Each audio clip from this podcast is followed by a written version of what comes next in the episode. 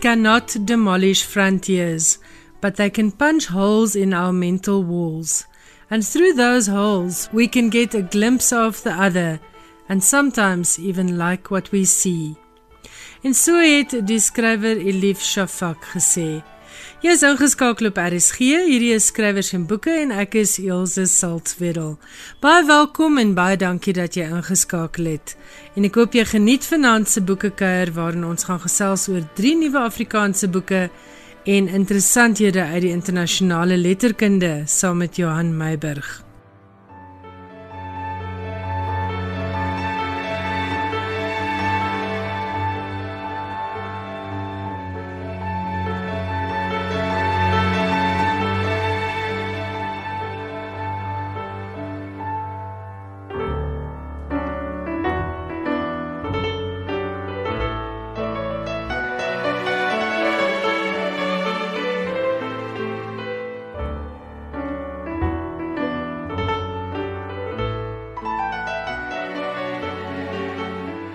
Waar onthou begin is die jongste roman uit die pen van Connie Luit.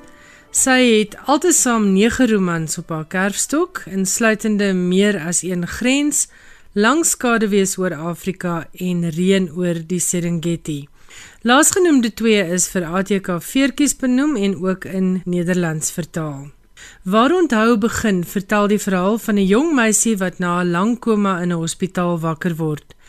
Aanvanklik sukkel Elfie om te onthou wie sy is en waar sy vandaan kom. Met die hulp van 'n neuropsigiater sit sy mettertyd al die legkaartstukkies van haar lewe bymekaar, maar die ontdekkings wat sy oor haar verlede maak, is nie altyd aangenaam nie.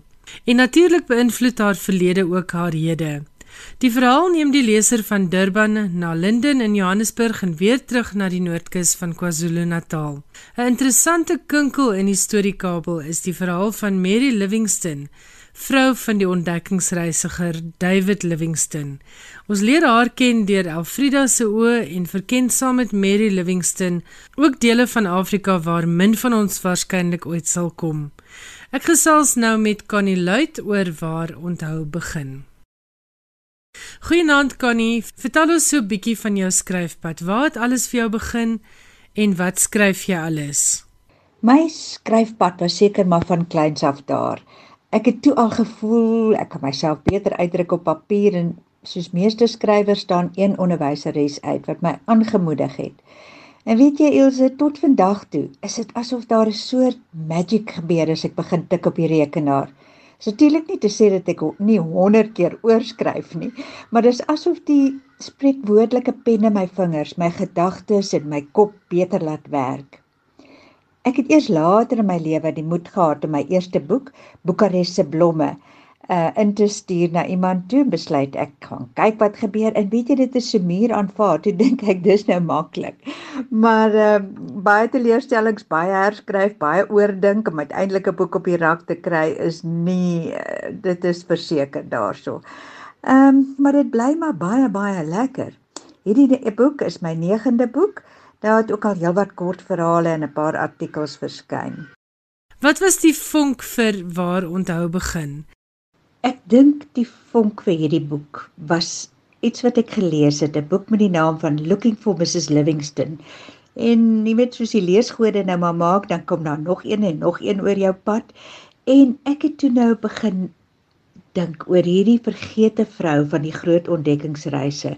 En ek besef ek kan nie net oor haar skryf nie. Ek sal moet dit in 'n moderne konteks sit niemand het meer eintlik meer onthou nie en ek het begin dink oor onthou en vergeet en gewonder hoe dit moet voel as jy net eendag niks meer kan onthou nie. Uh daar is die gedagtes gebore en Mary se verhaal ek het nogal my vryheid as romanskrywer daar baie gebruik. Uh want ek het baie aan haar storie verander om dit meer bietjie meer uh, interessant en relevant te maak. Uh het uiteindelik maar 'n onderafdeling eintlik van die roman geword. Maar vir my is sy belangrik en beslis een van die temas van die boek. En daar's tog al baie raakpunte met haar en die ander temas soos die liefde, verwerping, ma se dogters, tieners en die terugslae en die mense ongelooflike resilience of veerkragtigheid om dit te bowe te kom dit is alles ook deel van Mary se verhaal.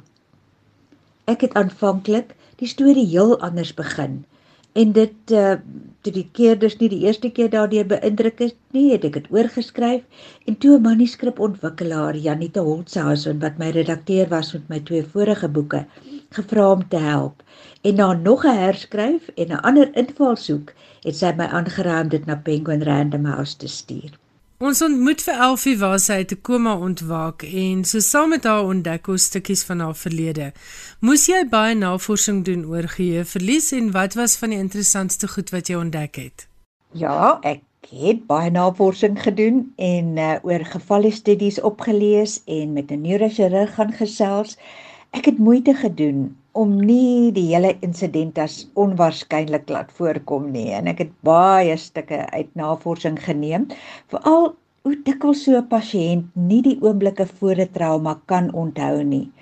Hoe hulle handskrif soms verander dat daar baie keer ta nuwe taalvaardighede of aanlegte te voorskyn kom en ek het toe vir Elfie met die perde ingebring wat ek moet beken my eie opmaaksel was ehm um, wat ek hoop geslaagd is. Dit bly maar 'n uh, 'n moeilike iets en selfs die neurochirurg het my gesê hulle weet eintlik nog baie min uh daaromtrent. So dit was vir my 'n uitdaging, maar ook 'n baie lekker deel van my navorsing gewees. Hoekom het jy die 1980s en 1990s gekies as agtergrond vir waar onthou begin? Dit was nie doelbewus nie, maar ek wou seker maar 'n soort buildingsroman skryf oor die lewe van 'n jong kind wat deur baie trauma gaan tot haar soort van middeljare. En ek dink dalk onbewustelik het ek gedink, daar kan dalk nog 'n storie hier uit voortvloei. Ehm um, die 80s en die 90s was jare vol drama in ons land, maar dit was ook vir my 'n tyd van redelike onskuld, minder angstig as vandag. Is miskien gedeeltelik soort van 'n bietjie van 'n terugverlang bietjie nostalgie na wat was en ek het dit so geniet om ou liedjies, klere dra, gebeurtenisse uit daardie tyd te gaan navors en met erkenning lekker te kry oor my eie onthou. Waar onthou begin speel af in Durban en op die Natalse Noordkus. Ander dele speel af in Linden, Johannesburg. Uit jou beskrywings kan ek aflei dat jy hierdie plekke baie goed ken. Het jy daar gaan navorsing doen om seker te maak die beskrywings is akkuraat? En as ek nou dink aan langskadewees oor Afrika, is dit opvallend hoeveel moeite jy doen met die beskrywing van ruimte. Hoekom is ruimte vir jou so belangrik? Ek was bietjie jonger as Elfie toe ek in Linden aangekom het. Ek dink ek was so 11, maar ek het gematrikuleer daar aan Linden Hoërskool en ek het net goeie herinneringe aan my tyd in Linden. Ek het wel weer soontoe gegaan om bietjie net te kyk of alles is waar ek dit nog onthou. Ehm um, en dan oor die Noordkus deel, ek en my man en twee klein kindertjies het so 4 jaar daar gewoon in Sinkwasi en ek het baie lief geword vir die Noordkus en baie lekker daar gebly ook. En dis vir my 'n verskillike spesiale deel van die wêreld. Daai hele Saltrak omgewing en Umhlali is vir my verskriklik mooi. Umhlanga het so 'n bekoring van sy eie en ek het baie in Durban rondgeloop. So dit was ook vir my alles dinge wat ek goed kon onthou.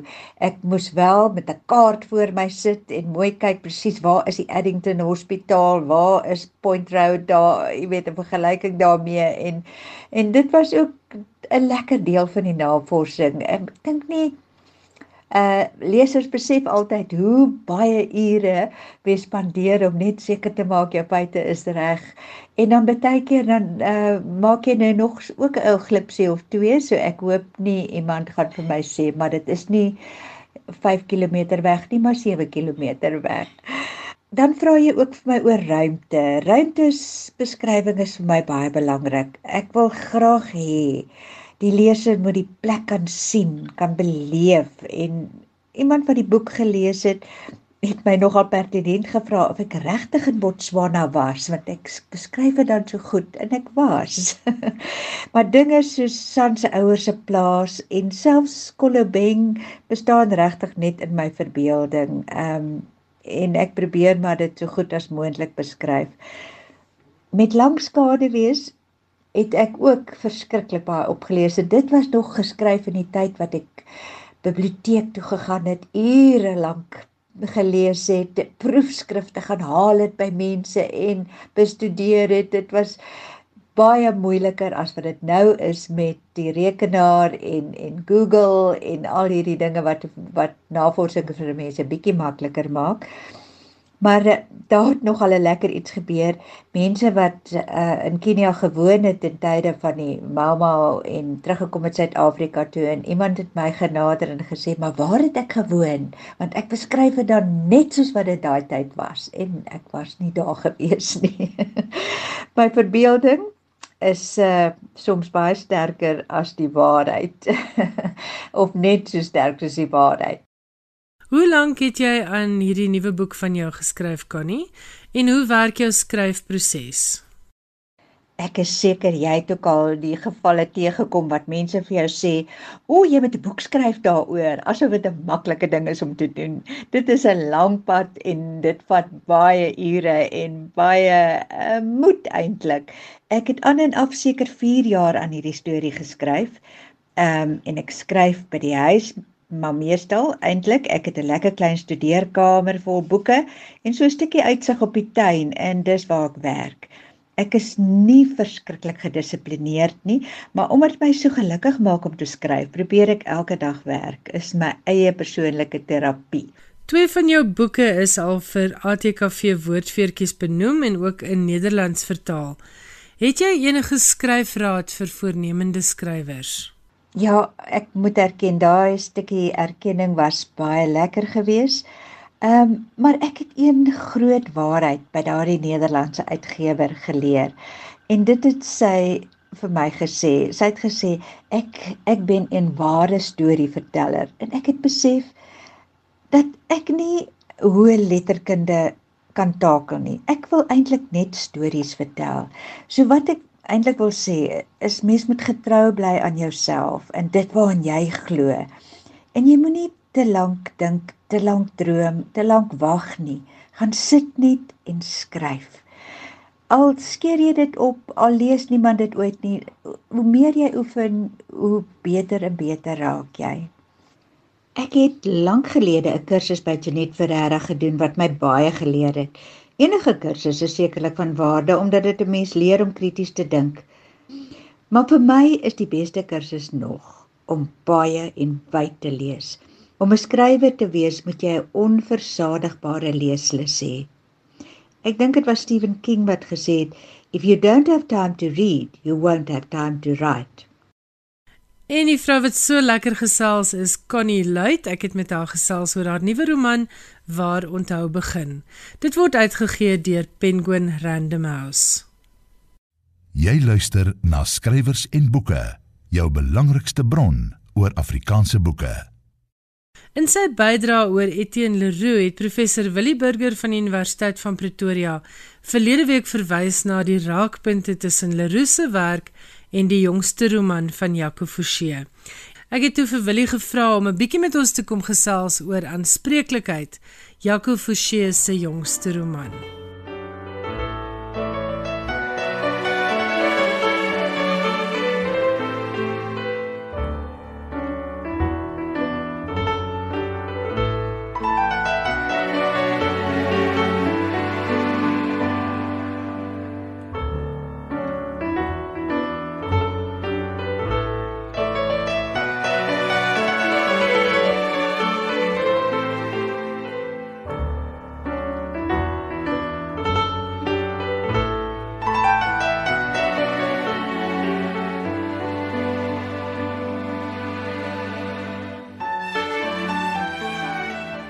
Fouché se aanspreeklikheid wat by Iman en Rousseau uitgegee is, is myns insiens een van die sterkste Afrikaanse romans wat ek tot dusver hierdie jaar gelees het. Dit is sy 9de publikasie sedert uh, sy debuut in 1996 Ryk van die Rawe wat uh, ook heelwat pryse destyds verower het. Mens kan eintlik nie dink dat uh, Fouché al in hierdie tyd so sterk oor opgebou het nie. Baie ander skrywers het nie eers 9 boeke geskryf nie en dan het hulle 'n uh, groter bekendheid. En 'n mens wonder soms hoekom dit is. Uh, miskien het dit daarmee te doen dat Fouché se karakters meestal so half ehm uh, val karakters is met beperkte klein lewens waarin daar tog ook vreeslik baie dinge met hulle gebeur. Dink maar aan daai Ed van inligtingstelsels of Pieter Franken karakters uit sy vorige romans. Ehm um, sy werk is is van die begin af vergelyk met Etienne Leroux se werk deur ehm um, resensente al van sy eerste werk en daar is al navorsing gedoen en skripsies geskryf oor die verbande tussen ehm um, Fouché se werk en Leroux se werk. Ehm uh, ek dink tog daar is ook belangrike verskille, maar dat daar beslis ooreenkomste is, is ook so wat ehm um, aan die een kant bevestig hoe belangrike skrywer Leroux ook was maar aan die ander kant dink ek ehm um, verskuif Fouché ook die aandag en dit gaan nog verder. Ek dink hierdie is bepaald ook een van sy sterkste romans hierdie aanspreeklikheid. Nou die die verhaal gaan eintlik uh, oor 'n ehm um, skrywer, 'n taamlik suksesvolle skrywer wat sy 9de boek al geskryf het wat staan op die rakke en wat redelike goeie resensies gekry het maar nog steeds nie baie bekend is nie. Hierdie skrywer met die naam Jaco Diel woon in Hermanus net tydelik in 'n in 'n woonstelblok. Terwyl hy besig is om te werk aan 'n boek oor Joseph Fouché. Joseph Fouché was die uh minister van polisie in die tyd van Napoleon in Frankryk.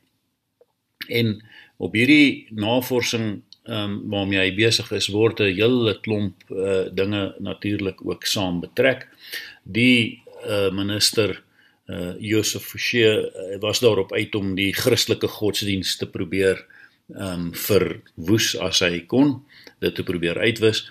Ehm um, maar dit is so dat die skrywer dan geleidelik terwyl hy nou hierso sit en hy doen nog hierdie navorsing betrokke raak by geweld mense in sy woonstelblok word vermoor. En so word eintlik die fokus van die hele roman geplaas op geweld in ons samelewing. En ons hoef natuurlik nie veel te sê oor geweld in ons samelewing nie. Ons leef waarskynlik in een van die mees gewelddadigste lande in die wêreld. Ons praat almal die hele tyd oor geweld. Ehm um, ons is baie van ons is slagoffers van geweld of ken slagoffers van geweld. Hier gaan dit egter verder en dit vra vra oor hierdie geweld in ons samelewing en en ek dink op 'n besondere manier word dit ontleed uiteindelik ook wat is elkeen van ons se aanspreeklikheid daardie regsterm wat uh, gebruik word wanneer 'n mens nie alleen net skuldig is aan iets nie maar die mate waarin jy aanspreeklik gehou kan word vir iets wat gebeur. Nou uiteindelik beland hierdie karakter ook uh, weens al die trauma van die geweld wat hy meemaak in 'n inrigting waar hy ook saam met die speurder wat die sake rondom hom ondersoek het, um, ook uh, daar beland en betrokke raak by die speurder op 'n besondere manier wat as dit ware die hele tyd besig is om verder en verder ook in uh Jacodiel se verlede in te delf. Nou hierna as hy uit die uh inrigting kom, gaan werk hy weer 'n rukkie in die IT bedryf soos talle van Fouché se vorige karakters voordat hy uiteindelik in 'n karate klub as 'n opsigter gaan werk. Deurgaans gaan daar egter mense in sy omgewing dood. Soos die speurder uh, Jansen ook vir hom sê, hoekom gaan daar die hele tyd mense in jou omgewing dood? En op hierdie manier word daar ook elemente van die speurverhaal betrek. Dit is uh um eintlik opvallend hoe hoe baie speurverhale werke oor misdaad, misdaad fiksie tans in ons land maar ook wêreldwyd voorkom. Ek weet uh, op 'n stadium is daar al gesê dat misdaad fiksie so belangrik is in ons land juis omdat ons land so gewelddadig is en daar so baie misdaad is. Op hierdie manier is aanspreeklikheid ook betrokke by hierdie aspek van misdaad. Die die groot ding waarby die roman eintlik stil staan myns insiens is hoe maak 'n mens sin van trauma? Hoe maak 'n mens sin van al die misdaad? En tot op watter mate is elkeen van ons ook betrokke en aanspreeklik by die misdaad in ons land? Hierdie vrae word op verskillende maniere gevra. Um, die die groot ding is hoe ons sin gee aan gebeurtenisse, hoe dat ons sin gee aan ons eie trauma, ehm um, of hoe dat ons sin gee aan aan losstaande gebeurtenisse in ons eie lewens, hang natuurlik af van die verhale wat ons daaroor vertel, die stories wat ons vertel. En dikwels het ons in die verlede sin gevind vir alles wat gebeur in groot verhale van die nasie, die volk, die land of in die uh, godsdiens um, en dat elke gebeurtenis geïnterpreteer word binne 'n bepaalde groter godsdienstige of nasionale narratief. Dit lyk of dit vir my in Fouché se werk afgewys word dat hierdie verhale nie meer sin gee nie, nie meer dieselfde krag het nie. En daarom word ondersoek hoe dit 'n gewone mens sin kan gee in ons tyd, ook uh spesifiek aan al die geweld um, en 'n mens se eie aanspreeklikheid en betrokkenheid by die geweld om ons. Dit is 'n oorrompelende roman. Dit is 'n roman wat 'n mens ontstel. Ehm um, juis weens die wyse waarop die verhaal vertel word, is dit ook 'n baie ontstellende roman. Ehm um, nie net die gebeurtenisse is ontstellend nie, maar ook die manier waarop uiteindelik uh, die leser self betrek word by alles wat gebeur. Ehm um, ek kan hierdie roman ten sterkste aanbeveel as een van die sterker romans wat hierdie jaar verskyn het. En dit was professor Willie Burger oor Jaco Forsie se roman Aanspreeklikheid. Skrywers en boeke elke woensdag aand tussen 8 en 9. Dankie dat jy ingeskakel is op RSG. Ek is Elsje Salzwetel en jy luister na Skrywers en boeke. En nou is dit weer tyd vir 'n lesersindruk. Michelle Meyer, bekroonde kortverhaalskrywer en vryskutjoernalis van Pretoria, deel haar indrukke van Renée Rautenbach Konradi se roman Met die vierkleur in Parys.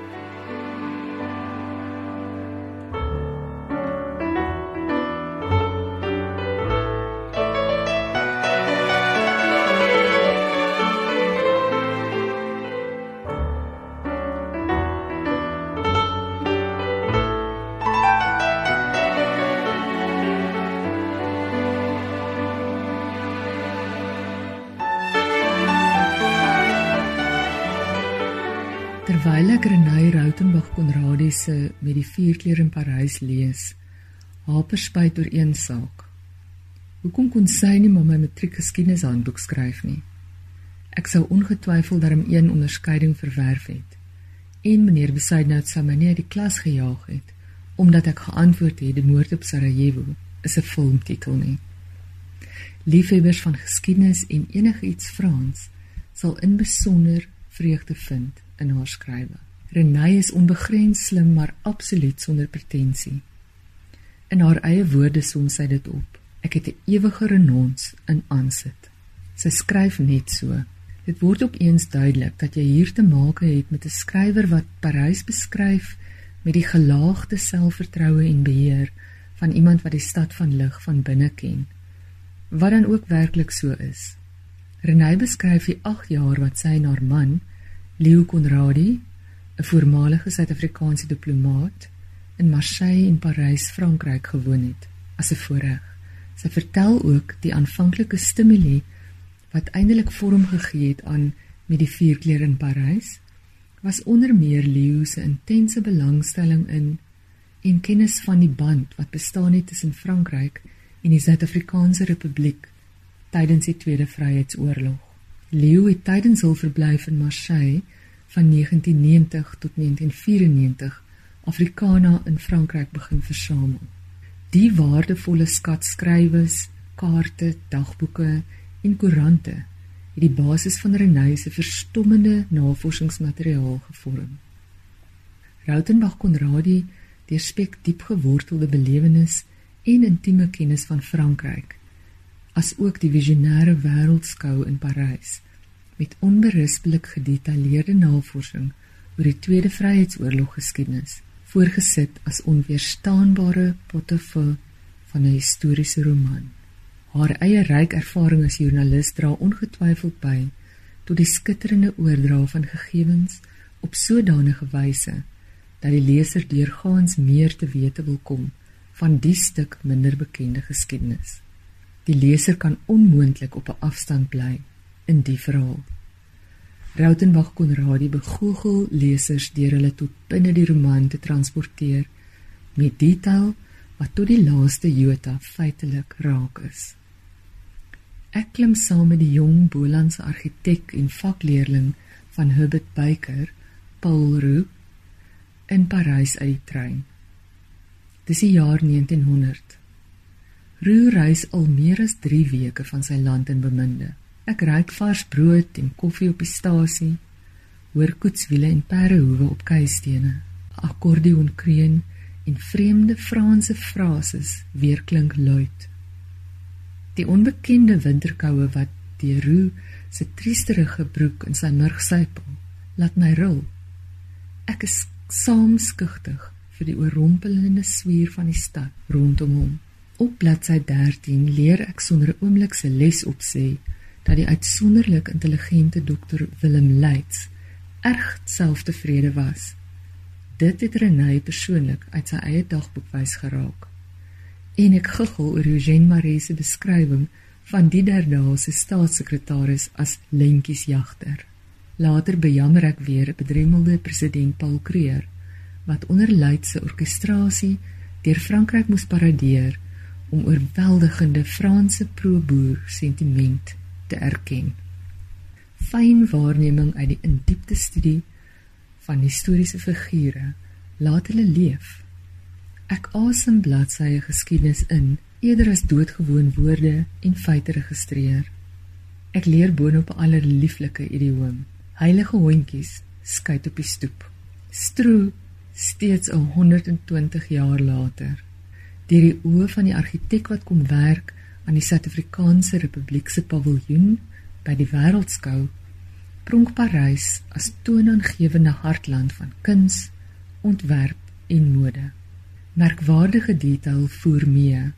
Selfs die Ritz Hotel se reeks spyskaarte vir die Wêreldskou is vindingryk deur Renay se eie dogter, Sofia, en die Ritz Hotel argivaris opgediep. Ek verkyk my aan elegante welgeklede parysenaars verkneukel my in die woord flaneer waarmee die skrywer grasieuse wandelings langs die Seine oproep. Elke nuance is gegrond in die werklikheid, soos vernuftig opgespoor en nageloop deur die skrywer.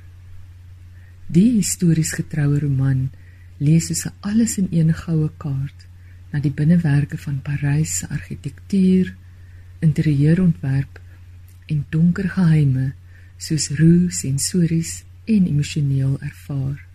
Sy morbiditeit oor die Tweede Vryheidsoorlog wat tuis woed, verlange na sy Joodse geliefde daar en sy eie onbesonnenheid kontrasteer heerlik met sy verstrikking in die verlokking van boeënse sensualiteit waarvan Parys smeel. Lees dit net. En dit was Michelle Meyer wat so lekker gesels het oor Renée Rautenbach Konradi se met die vierkleur in Parys. Terloops Renée is 'n oud joernalis wat deel was van die stigtingsredaksie van Beeld.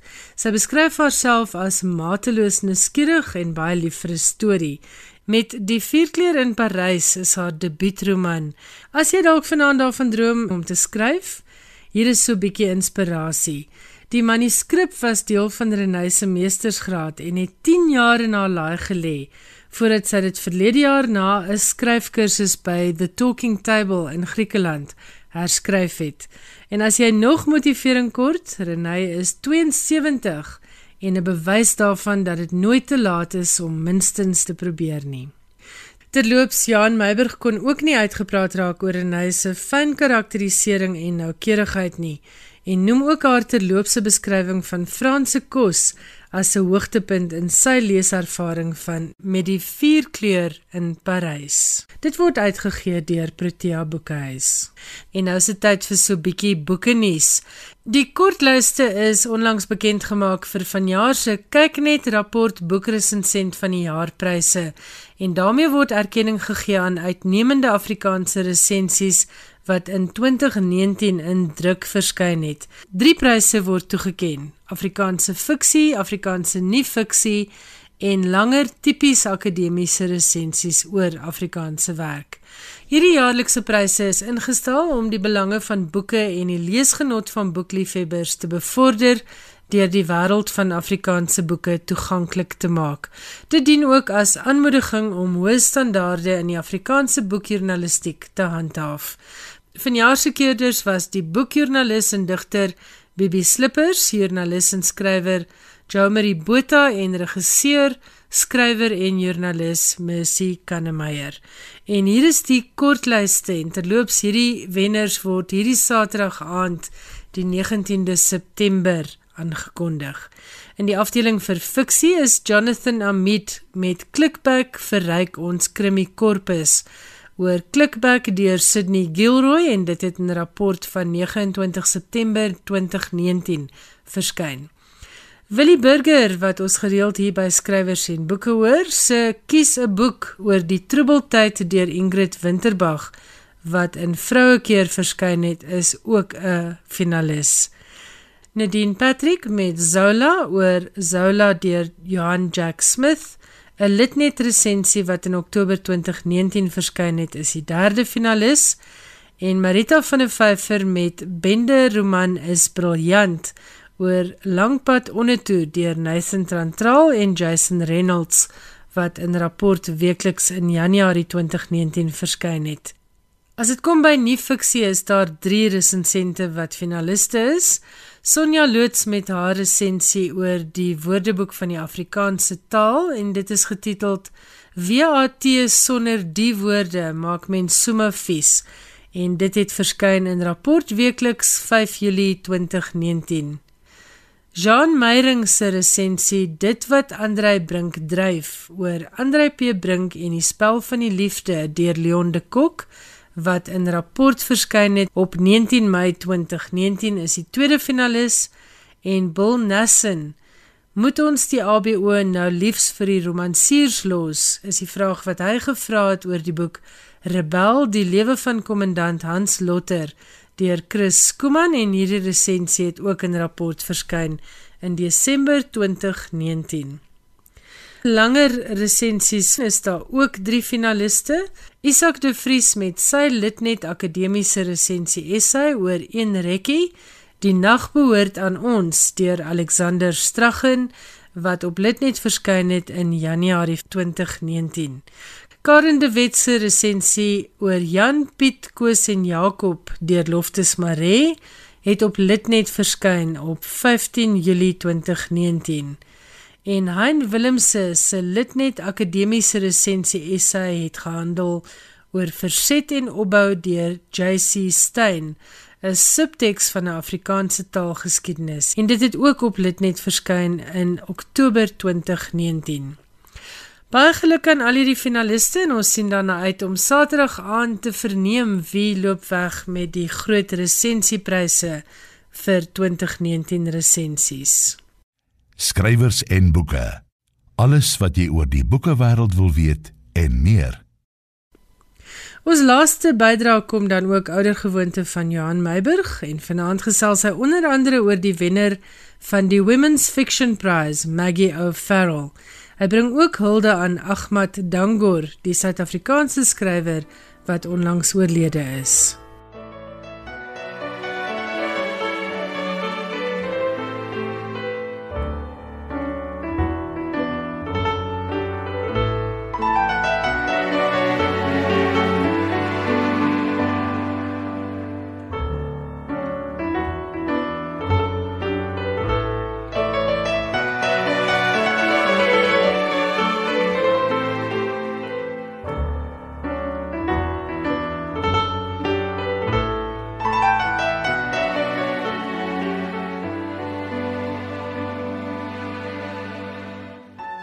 Die wenner van die 2020 Women's Fiction Prys is aangekondig en Maggie O'Farrell het met haar Hamnet die gesogte prys weggeraap voor haar mededingers onder andere twee vorige Booker-pryswenners Hilary Mantel met haar The Mirror and the Light en Bernadine Evaristo met haar Girl Women Other. Terloops Die feit dat Hamlet nie ingesluit is in vanjaar se langlys vir die Boekerprys nie, het gekom as 'n skok en beoordelaars is hiervoor gekritiseer. O'Farrell se Hamlet speel af in die laat 16de eeu se Engeland en gaan oor Hamlet, Shakespeare se jong seun wat tydens 'n plaag dood is. Uit die skrapse inligting oor Shakespeare se persoonlike lewe weef O'Farrell 'n fiktiewe verhaal wat beskryf word as 'n verkenning van rou smart en die verhouding veral tussen Hamlet en sy ma, Agnes. Wat Martha Lane Fox, sameroeper van die beoordelaarspaneel, opgeval het, is dat die boek omgaan met 'n menslike ervaring wat op 'n manier so tydig is en te gelyk nog altyd daar was. Toe O'Farrell die boek aanskryf was, was daar natuurlik nog geen aanduiding van 'n koronavirus pandemie nie. Die 48-jarige O'Farrell het met haar debuut in 2000 After You'd Gone die Betty Task Prys verower en met haar roman van 2010 The Hand That First Held Mine het sy die Costa Romanprys gewen. Hamlet is haar agste roman. Hier is Maggie O'Farrell aan die woord in 'n video-opname wat sy self tydens die afsonderingstyd gemaak het vir gebruik deur onafhanklike boekwinkels. Hi, um, this is Maggie, and I am recording this message for independent bookshops.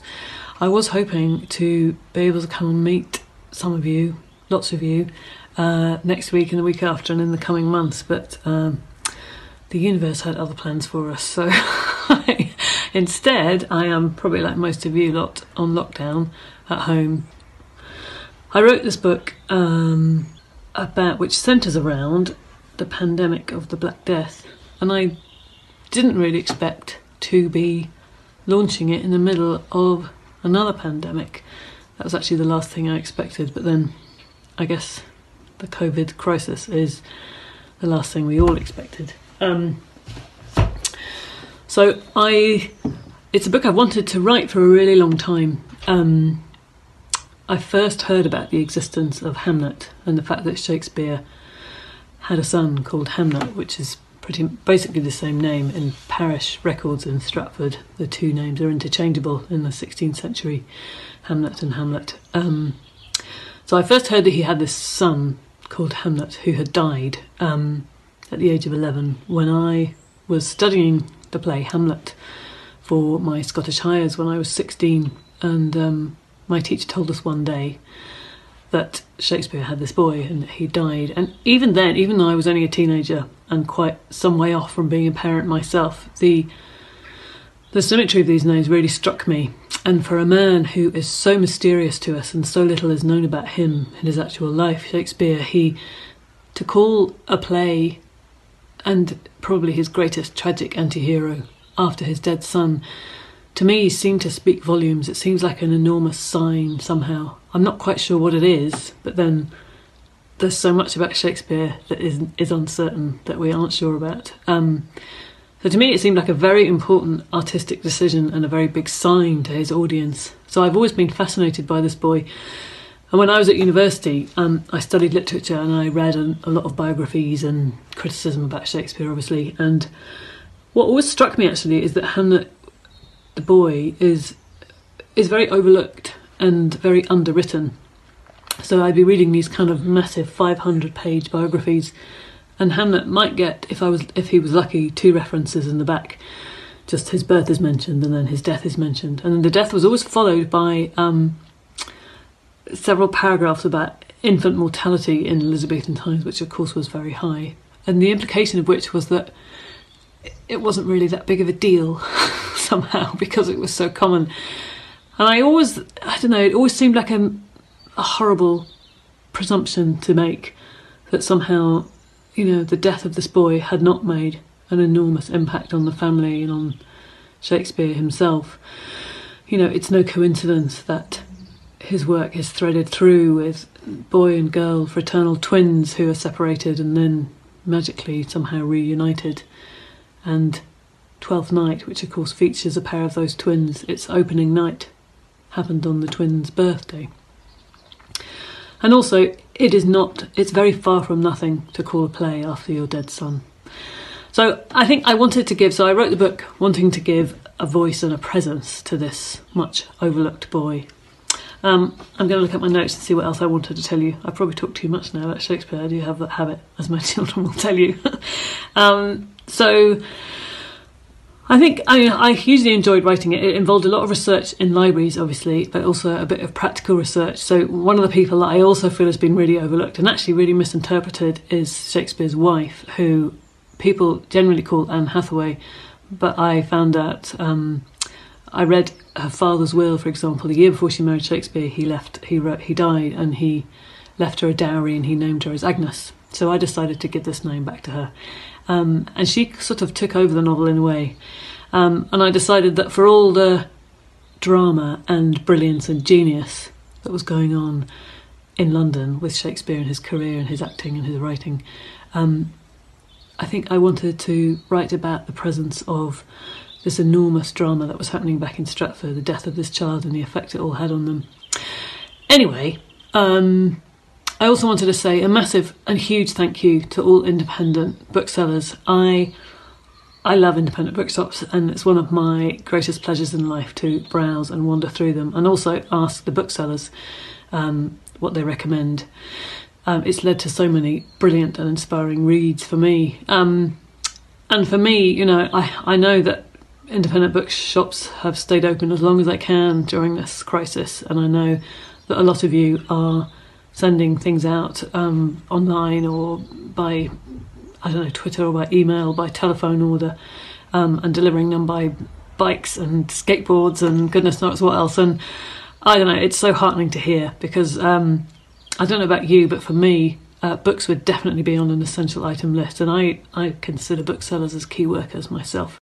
En daardie stem behoort aan Maggie O'Farrell, die wenner van vanjaar se Women's Fiction Prize. 3 jaar gelede was die 21-jarige Farida Abike Yemide besig om Engels, Chinese en antropologie te studeer in Aberdeen. Toe sy begin skryf het aan 'n roman rondom twee swart studente wat probeer uitvind wie gerugte oor hulle versprei het by hulle elite private skool. In 2018 het sy 'n agent gekry en met haar redakteur by Asborn het sy 2 jaar lank aan die manuskrip gewerk voordat hulle dit vir 'n Amerikaanse uitgewer gestuur het. In Macmillan in New York het haar pas net minder as 17 miljoen rand aangebied vir die manuskrip en 'n tweede roman. Die roman Ace of Spades verskyn in Junie Ek is so bly oor die geleentheid het Abike Yemide na die aankondiging gesê. Dit gebeur dikwels dat swart skrywers nie die steun kry van uitgewers nie. Oor die totstandkoming van die roman het sy aan The Guardian gesê: Ek was in my eerste jaar op universiteit en ek het nie veel vriende gehad nie omdat ek as moslim nie drink nie. Ek het heelwat TV gekyk, veral Gossip Girl 'n Amerikaanse tienerdrama reeks. Ek was dol daaroor, maar dit het, my opgeval daar was nie mense wat soos ek lyk like in die reeks nie. Dit sou gaaf wees as daar swart mense in reekse soos die en Pretty Little Liars kon wees. En toe het ek begin speel met stories. Ek het bedags klas toe gegaan en snags tot 4 uur in die oggend geskryf. Ek is 'n Afrikaan met Asiëse en Nederlandse bloed. Ek weet nie watter ras ek is nie en ek gee ook nie om nie. Dis hoe die skrywer en digter Ahmad Dangor wat onlangs dood is, homself beskryf het. Hy was 71. Dangor is in 'n Indeer moslimhuis in Fortsburg in Johannesburg gebore en het daar groot geword. Van 1973 tot 78 is hy vir sy politieke sienings deur die regering ingeperk. Wat beteken nie dat hy nie sy blyplek kon verlaat nie en dat hy ook nie met meer as een persoon op 'n slag in geselskap kon wees nie. Na die inperking het hy saam met mense soos Farouk Asfat en Chris van Wyk deel geword van die digter en skrywer Don Matera se Black Thoughts 'n kultuurgroep wat Matera in 1979 begin het. Dangoor se bekendste romans is waarskynlik Kafka's Curse van 1997 en Bitterfruit wat in 2001 verskyn het. Bitterfruit was op die kortlys van die internasionale Impact Dublin Letterkundeprys asook die Man Booker.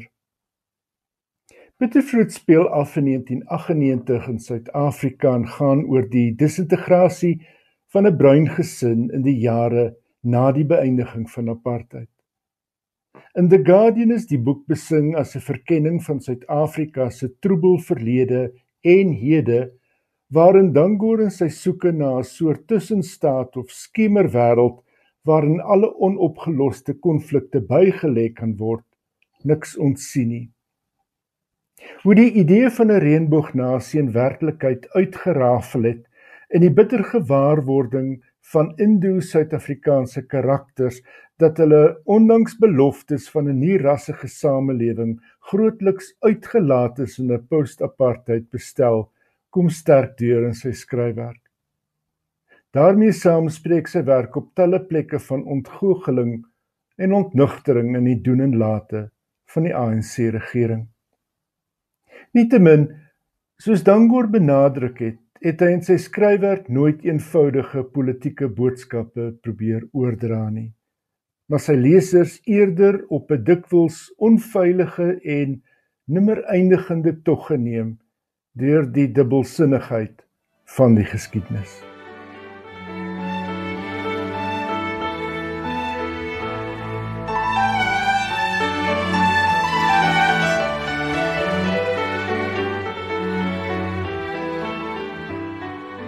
En dit was Jan Meiburg.